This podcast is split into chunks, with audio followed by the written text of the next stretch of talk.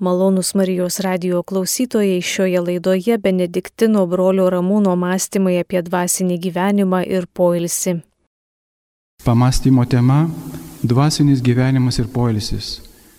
Ar šie dalykai vienas kitam prieštarauja, ar vienas kitą papildo ir kokia jų tarpusavio priklausomybė.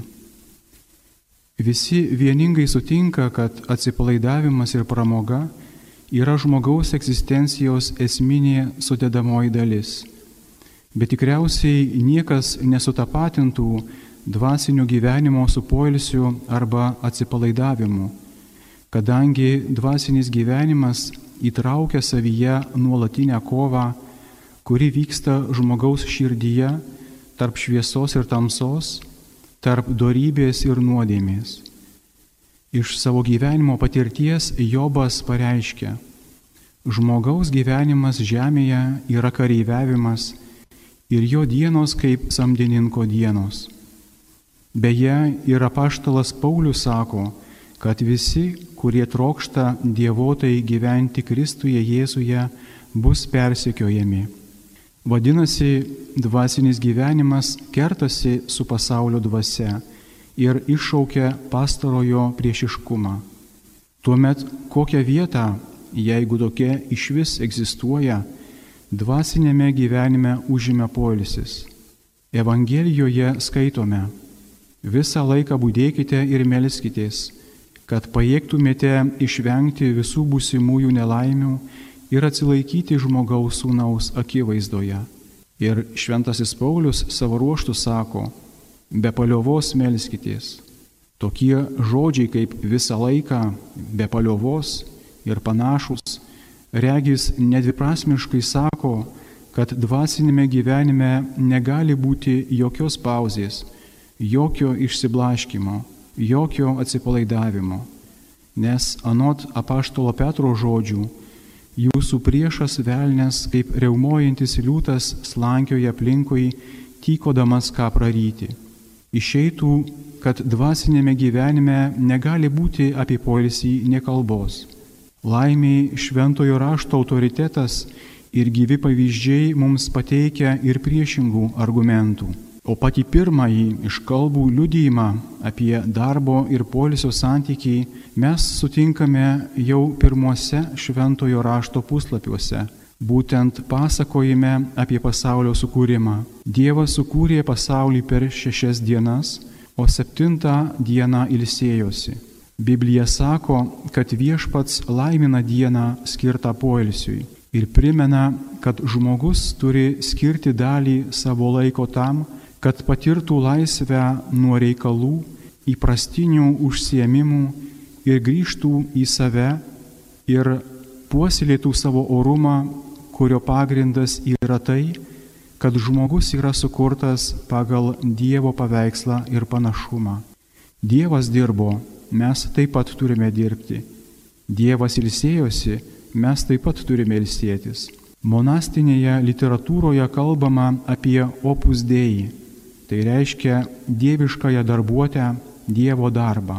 Nors šis terminas pirmiausiai reiškia liturginės valandas, tačiau galima jį išplėsti ir taikyti bet kokiam darbui ar veiklai, kurie atliekami dėl Dievo. Tokiu būdu ir pats dvasinis gyvenimas, kuris iš esmės remiasi Dievu ir veda į vis gilesnę bendrystę su juo, tampa Dievo darbuotė, kuri, kaip ir bet koks darbas, privalo savyje įtraukti ir polisio momentus. Šito mus pamokė pats Dievas, tiek dirbdamas, tiek ilsėdamasis. Dievas kviečia sustoti. Kai sustojame ir ilsimės, gerbėme savo žmogiškumą ir Dievo paveikslą mumise. Mes sekame Dievą, sustabdydami savo įprastinę veiklą ir ilsėdamiesi. Mes juk nesame nesustabdomi ir nepakeičiami. Sakoma, kad kapinės pilnos nepakeičiamų žmonių. Ne ant mūsų pečių guli visatos valdymas ir tvarka. Dievas ragina mus sulėtinti tempą, mėgautis dabarties akimirką, kreipti dėmesį į žmonės ir džiaugtis tuo, kas mums duota. Baigęs kurti pasaulį, Dievas pareiškė, kad tai buvo labai gera. Dievas džiaugiasi savo kūrinyje ir mes esame raginami ištrūkti iš rimtumo bei susireikšminimo rato ir pasidžiaugti kūrinyje ir jos dovanomis. Kitas pavyzdys, kaip reikėtų derinti įvairias tarnystės bei religinės praktikas su polisiu, yra pats Kristus. Evangelijose konstatuojame, kad Jėzus mokėjo neproduktyviai, kabutėse, leisti laiką. Iš ties mes neskaitome, kad jis visą laiką tik ir vaikščiojo po gyvenvietės, skelbdamas gerąją naujieną, išvarinėdamas demonus ir gydydamas ligonius. Evangelijose matome ne vien tik aktyvę Jėzaus veiklą, bet ir paprasčiausią buvimą su žmonėmis. Antai vestuvės Galilėjos kanoje buvo palanki terpė Jėzui ir jo mokiniams ištrūkti iš kasdienės misijos ir atsikvėpti. Ir vis dėlto, paradoksaliai, būtent šiuo taip palankiu atokvėpiui metu Jėzus padaro savo pirmąjį stebuklą ir apreiškia savo šlovę. Lygiai taip ir kiti jo tarsi atsitiktiniai susitikimai ir bendravimas su žmonėmis tampa proga skleisti dangaus karalystės žinę ir rodyti gailestingumą. Vaišindamasis pas muitininką Zachiejų, jis atneša išganimą į jo namus ir sikiu laimi kitų nusidėjėlių pasitikėjimą. Viešėdamas pas savo bičiulį Lozorių, jis paskelbė tarnystėmis susirūpinusiai mortai, kad svarbiau yra nurimti atsisėsti prie mokytojo kojų ir klausytis Dievo žodžio. Atvirame pokalbėje su Nikodemu Jėzus apreiškė šventosios dvasios vaidmenį žmogaus atgimime. Trumpai tariant, Jėzus turėjo atgaivos ir polisio momentų, tačiau ir pastarieji tarnavo neišskirtinai jo paties naudai, bet žmonių geroviai ir išganimui. Galbūt didžiausias Jėzui poilsis ir atgaiva būdavo tas laikas vienumoje, kada jis galėjo kalbėtis su savo tėvu. Nuoseklu manyti, kad ir patys apaštalai gyveno panašių ritmų, kurį perėmė iš savo mokytojo.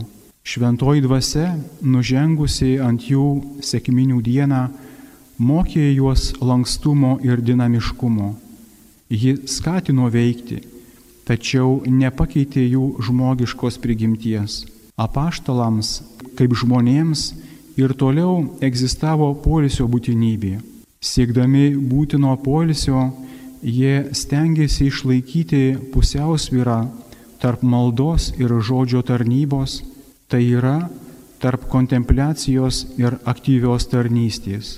Šitai atsiskleidžia tame Evangelijos pasakojime, kur sakoma, kad apaštulai susirinko pas Jėzų ir apsakė jam visą, ką buvo nuveikę ir ko mokę. Taigi jie susirinko po aktyvaus apaštalavimo ir tarnystės laikotarpio.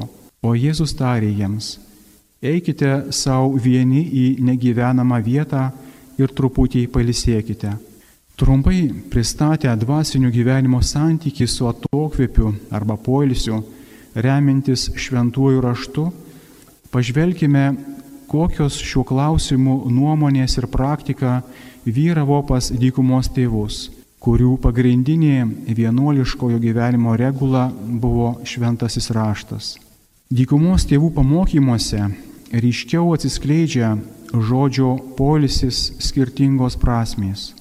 Net kalbant apie kūno polisį ir jo poveikį, galima surasti prieštaraujančių nuomonių, bet paprastai jis yra peikiamas. Antai vienas dykumos vienuolis pasakė, jeigu mes vaikomės polisį, nuo mūsų bėga Dievo malonė, o jeigu mes nuo jo bėgame, ji mus vejasi. Aba Izaijas kalbėjo, nekesk visko, kas pasaulyje, ir kūno poilsio nes šitie dalykai pavertė tave Dievo priešu. Mat kaip žmogus turintis priešą kovoja su juo, taip ir mes privalome vesti kovą su kūnu, kad neduotumėm jam poilsio. Dar kitas vienuolis pasakė, Tol, kol norėsime lankytis pa žmonės ir turėti kūno poilsį, mes negalėsime mėgautis Dievo saldybę. Aba Pymena savo ruoštų kalbėjo, kaip dūmai išvaiko bites ir atima jų darbo saldumą, taip ir kūniškas polisis išveja iš sielos Dievo baimę ir sugriauna visą jos gerą darbuotę. Net ir vienuolių tėvas, šventasis Antanas Didysis, duoda tokį paraginimą. Nekeskime bet kokio kūniško polisio. Laimiai nestinga protingų pamokymų, kad polisis būtinas net dvasio žmogui, pasišventusiam vien Dievo tarnystėj. Dykumos tėvų pamokymuose yra vienas nuotykis su Aba Antanu. Pasakojama, Kartą medžiotojas dykumoje pamatė, kaip Aba Antanas ilsisi su broliais ir apstulbo. Senolis, norėdamas parodyti, kad kartais reikia pagalvoti ir apie brolių poreikius, jam tarė. Įstatyk strėlę į lanką ir šauk. Medžiotojas taip ir padarė. Senolis paliepė, šauk dar kartą. Medžiotojas iššovė. Senolis pakartojo, šauk dar. Medžiotojas atsakė, jei aš taip dažnai įtempinėsiu lanką, jis lūš. Senolis tarė, taip ir su Dievo darbais. Jei mes besaiko įtempinėsime brolius, jie greitai lūš. Kartais reikia nusileisti ir pagalvoti, ko jiems reikia. Išgirdus šiuo žodžius, medžiotoją perverė užuojautą ir jis nuėjo daug iš senolio pasimokęs, o broliai grįžo namo pasisėmę jėgų. Taigi, tas pats Antanas Didysis, kaip girdėjome, kuris ragino nekesti kūniško polisio, gyvenimo kasdienybėje pasirodo netoks kategoriškas. Iš tiesų, protingumo arba išvalgumo darybė reikalauja visur laikyti saiko ir deramos harmonijos tarp sielos ir kūno poreikių, nes anot to paties Abos Antano žodžių yra žmonių, kurie asketizmu susižalojo kūną, bet kadangi jiems stigo išvalgumo, jie labai nutolo nuo Dievo. Beje, ir pati dykumos vienuolių gyvensena labiau nei jų žodžiai paliudyja, kad jie turėjo atokvėpio Visų pirma, pati subalansuota vienuolio dienotvarkė neleido jam nei persidirbti fiziškai, nei persitemti dvasiškai. Kiekvienas vienuolis galėjo dirbti savo ritmu, medituodamas šventą įraštą ir išlaikydamas vidinę ramybę, nuo kurios stipriai priklausė ir fizinė būklė. Kita priemonė monotonijos ritmui nutraukti ir sveikai prasiblaškyti buvo svetingumas bei svečiavimasis pas kitus vienuolius. Paprastai tokių vizitų motyvas buvo dvasiniai klausimai ar patarimo ieškojimas. Tačiau kartais vienuoliai tik prisidengdavo tokiu pretekstu, nes priimant svečią ar svečiuojantis pas kitus, visuomet būdavo padengiamas turtingesnis stalas, o ne vien tik sausa duona ir nevirtas maistas. Galiausiai visi vienuoliai susirinkdavo sekmadienį švęsti Euharistijos, po kurios būdavo agapė bei broliškas pasidalymas. Taigi kasdienis vienuolių gyvenimas dykumoje parodo, jog reikia mokėti skaityti jų ištartus kategoriškus žodžius, nes tikrovėje jie mokėjo suderinti savo askezę su poilsiu. Kas to padaryti nesugebėjo, palaužė savo kūnus, prarado sveikatą ir galbūt prarado vienuolišką pašaukimą. Ne tik vienuoliams, bet ir kiekvienam, kuris linkęs vienaip ar kitaip persidirbti ir pamiršta, kad yra kūniška būtybė, tinka Abos Makarijaus egiptiečio pasakyti žodžiai. Vienuolis privalo būti nuolatos pasirengęs, tarsi jam reikėtų rytoj mirti. Tačiau kita vertus, jis turi taip elgti su savo kūnu, tarsi jam reikėtų su juo gyventi dar ilgus metus.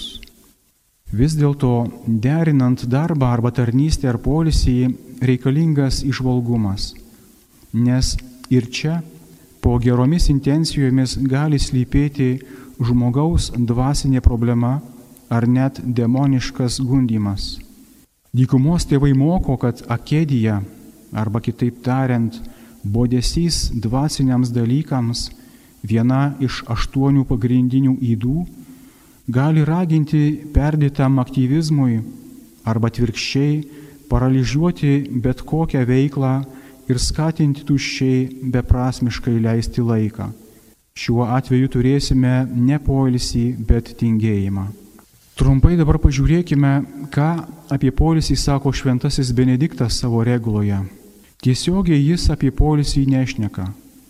47 regulos skyriuje apie kasdienius rankų darbus jis sako, dykinėjimas yra sielos priešas. Todėl, tęsė jis, tam tikrų metų broliams privalu užsiimti rankų darbų, o kitų atsidėti dvasiniam skaitimui Pačiam Benediktui polisis tai arba nakties miegas, arba skaitimas tyloje. Jo biografas Šventasis Grigalius Didysis pažymė, kad lankytojas jį surado su knyga rankose. Be šių išvardintų priemonių Benediktui atokvėpio galėjo suteikti ir artimesnių žmonių vizitai. Tame tarpe ir jo kraujo sesės skolastikos apsilankimas. O tai, kad jis savo reguloje akcentuoja tylos svarbą, leidžia manyti, kad vienuoliai bendraudavo reikia nereikia. Iš to, kad Benediktas smerkia vulgarius juokelius, taipogi galima spėti, kad vienuoliams nebuvo svetimas humoras ir šmaikštumas. Beje, Aristotelis sako, kad išmintingas, doras žmogus supranta humorą ir pasižymi šmaikštumu. Kodėl tad Benediktas taip mažai kalba apie kūno poilsį?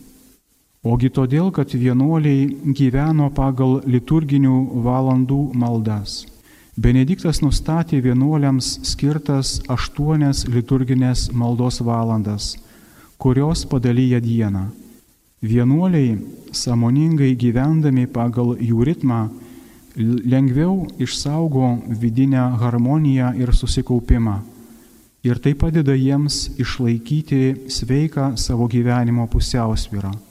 Tiksliai nustatyta dienotvarkė, maldos, darbo, valgio, asmeninių studijų, miego laikas struktūruoja žmogų, padeda jame nusistovėti emociniai pusiausvyrai, todėl jam negresia perdegimo sindromas, paskendimas kokioje nors vienoje veikloje, nuolatinis irzlumas ir širkštumas. Todėl pats gyvenimas pagal regulą Benedikto akims atrodė kaip veiksminga priemonė sukurti harmonijai tarp sielos ir kūno, iš kurios gimsta jau kitoks vidinis dvasinis polisis ir atgaiva, nuo kurių priklausys vienuolio savijauta. Kaip yra su poilsiu benediktinų vienuolynuose mūsų dienomis? Nors vienuolynė gyvenama pagal regulą, tačiau tai nereiškia, kad kiekviena minutė yra suskaičiuota ir kad tarp dviejų dienotvarkės punktų nebėra nie akimirkos laisvo laiko. Taigi dienos bėgėje galima surasti laiko asmeniniam polisiui.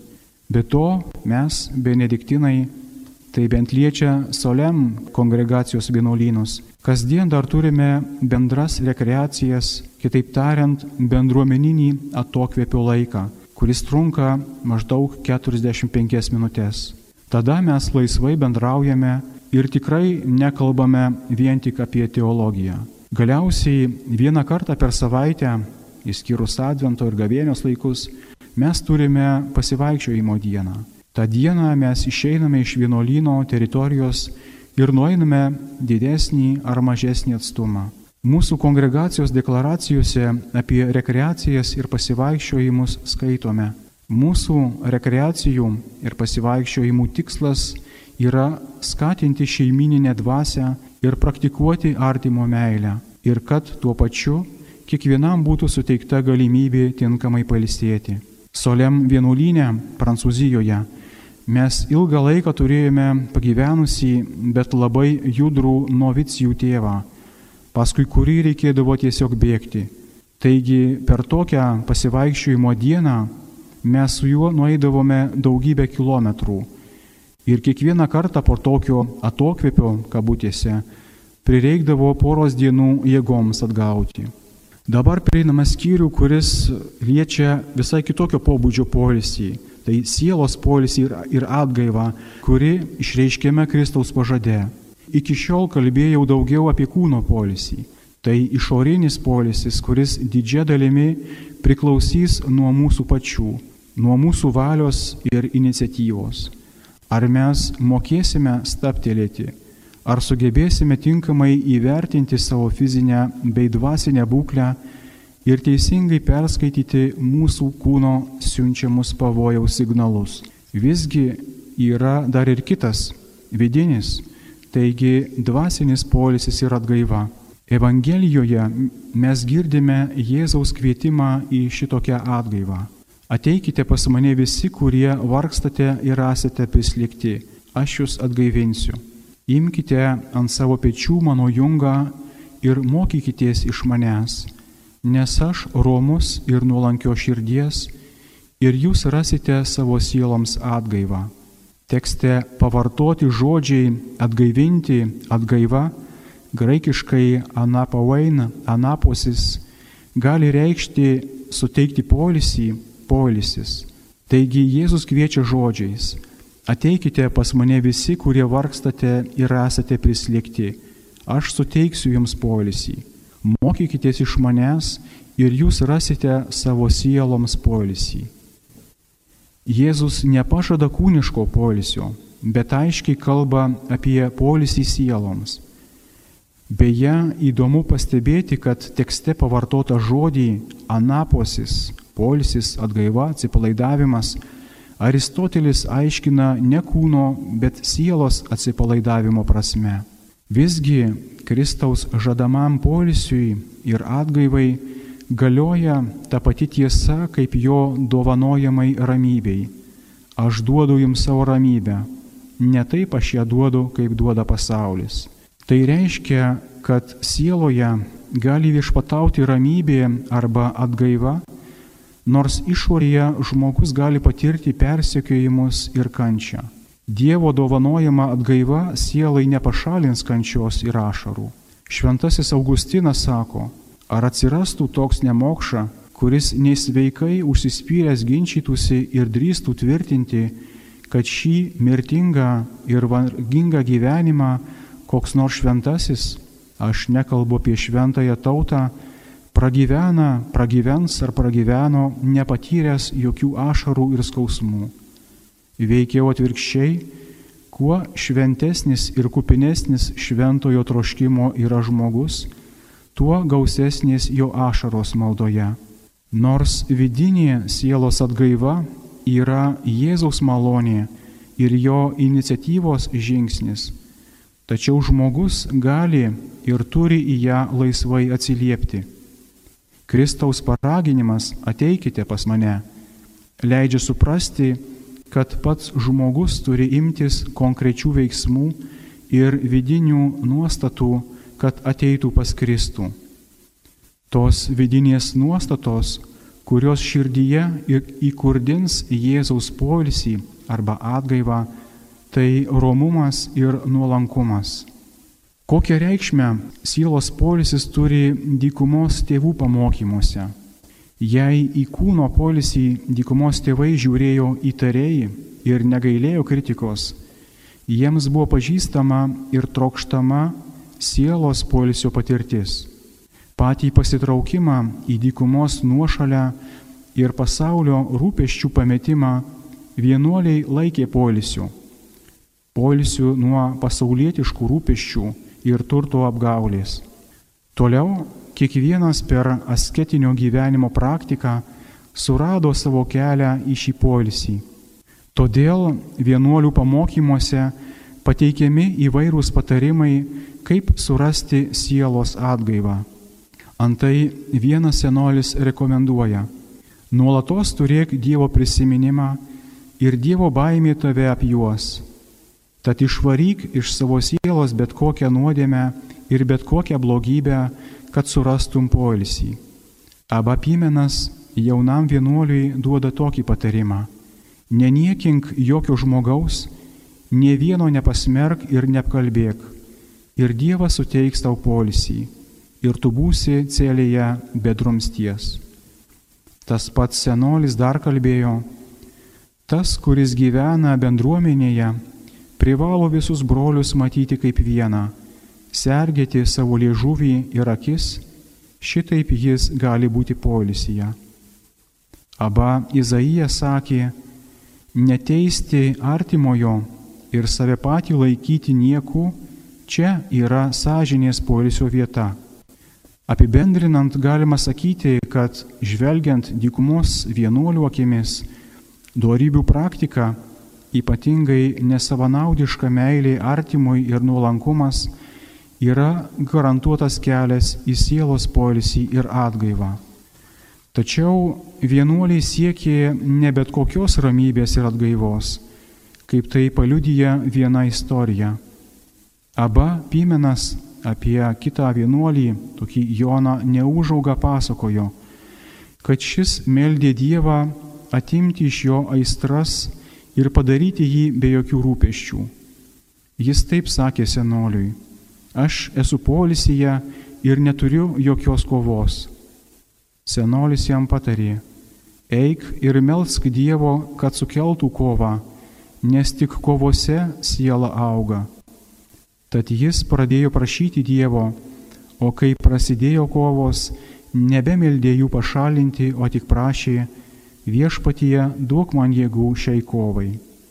Taigi, išliekanti kova ir įtampa su žmogaus išorėje ir viduje dar neliudyja apie jo netobulumą, neliudyja apie tai, kad žmogus kažką daro ne taip, bet ir tokiomis aplinkybėmis jį gali aplankyti Dievo paguodą, o tai reiškia, jie planko dvasinė atgaiva. Kokia dvasinio polisio reikšmė Benedikto reguloje? Dykumos tėvų pavyzdžių šventasis Benediktas yra įsitikinęs, kad duorybių praktika veda į sielos ramybę ir atgaivą. Apie vienuolino abatą, o tai galėtų tikti ir bet kokiam vadovui, Benediktas sako, te nebūna neramus ir susirūpinęs, nesaikingas ir užsispyręs, te nebūna pavydus ir per daug įtarus, nes jis tuomet niekada nesuras poilsio. Anot Benedikto, tikėjime pažengus į priekį, prasiplėtus širdžiai su neapsakomu meilės švelnumu bėgama Dievo įsakymų keliu.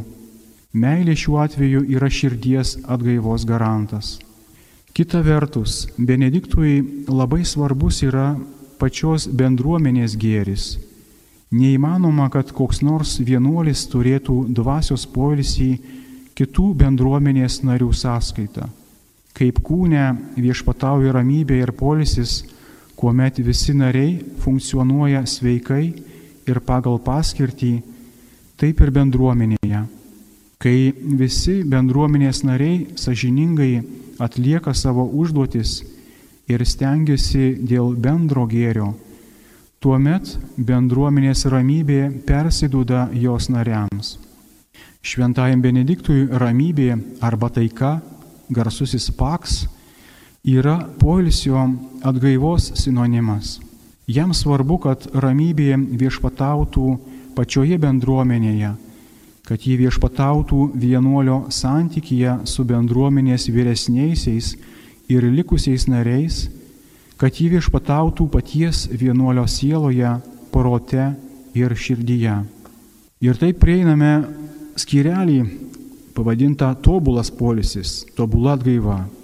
Žmogaus dvasinis pradas, jo dvasia ir siela yra prakilnesnis už kūną, kaip nemarumas pranoksta tai, kas gendama.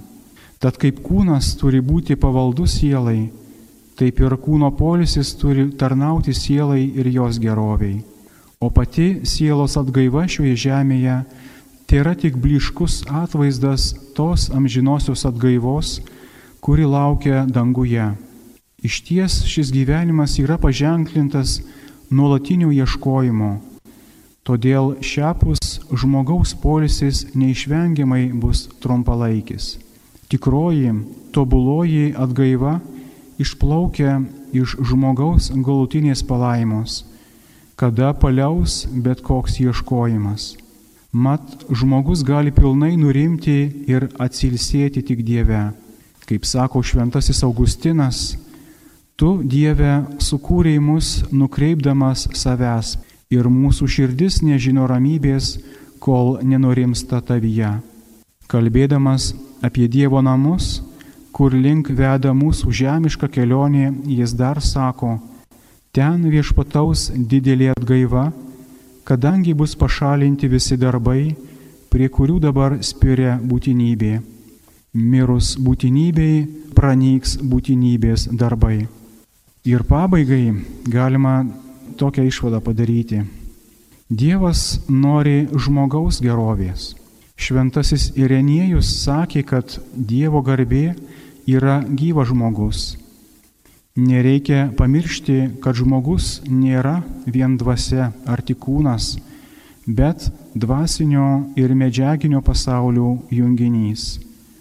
Abi žmogų sudėdančios dalys - dvasinė ir medžiaginė - reikalauja savo dėmesio ir priežiūros. Reikalingas darnus ritmas, tempo sulėtinimas. Deja, dažnai prireikia sveikatos problemų, tokių kaip vėžys, širdies priepolis, gripas ar gili depresija, ar išoriniai veiksniai kaip karantinas, kad būtume priversti palisėti. Kai esame užsiemę labiau negu reikalauja Dievas, smurtaujame prieš save. Tomas Mertonas rašė, paplitusi šio laikinio smurto forma aktyvumas ir persidirbimas. Šio laikinio gyvenimo skubėjimas ir įtampa yra būdinga smurto forma, galbūt labiausiai paplitusi. Leistis būti nešamam daugybės nesuderinamų reikalų, neatsispirti per dideliam skaičiui sumanimų, norėti padėti visiems ir visur, tai būti įveiktam smurto. Jis sunaikina vidinės išminties pagrindą, darantį darbą vaisingą. Mums taip pat dera imti savo pavyzdžių Mortos ir Marijos atvejį iš Evangelijos pasakojimo.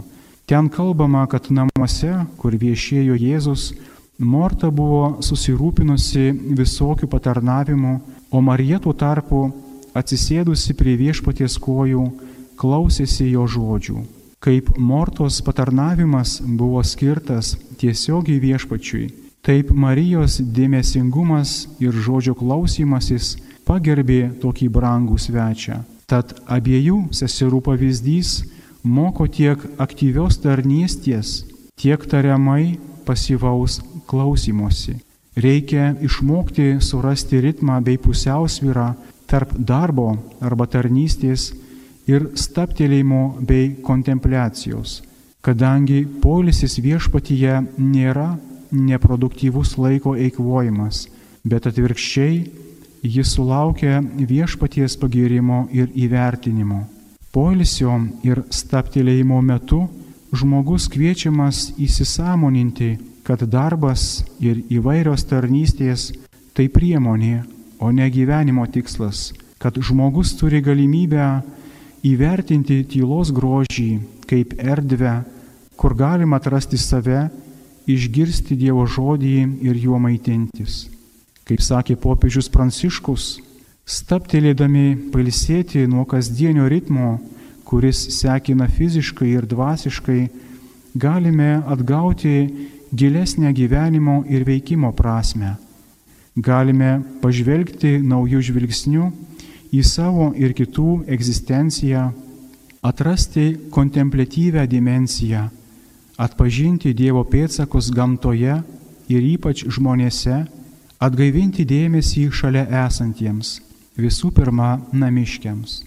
Taigi tiek šiam kartui klausimo dvasinis gyvenimas ir polisis, Dėkoju Jums, kad buvote kartu. Kalbėjo Benediktinas brolis Ramūnas.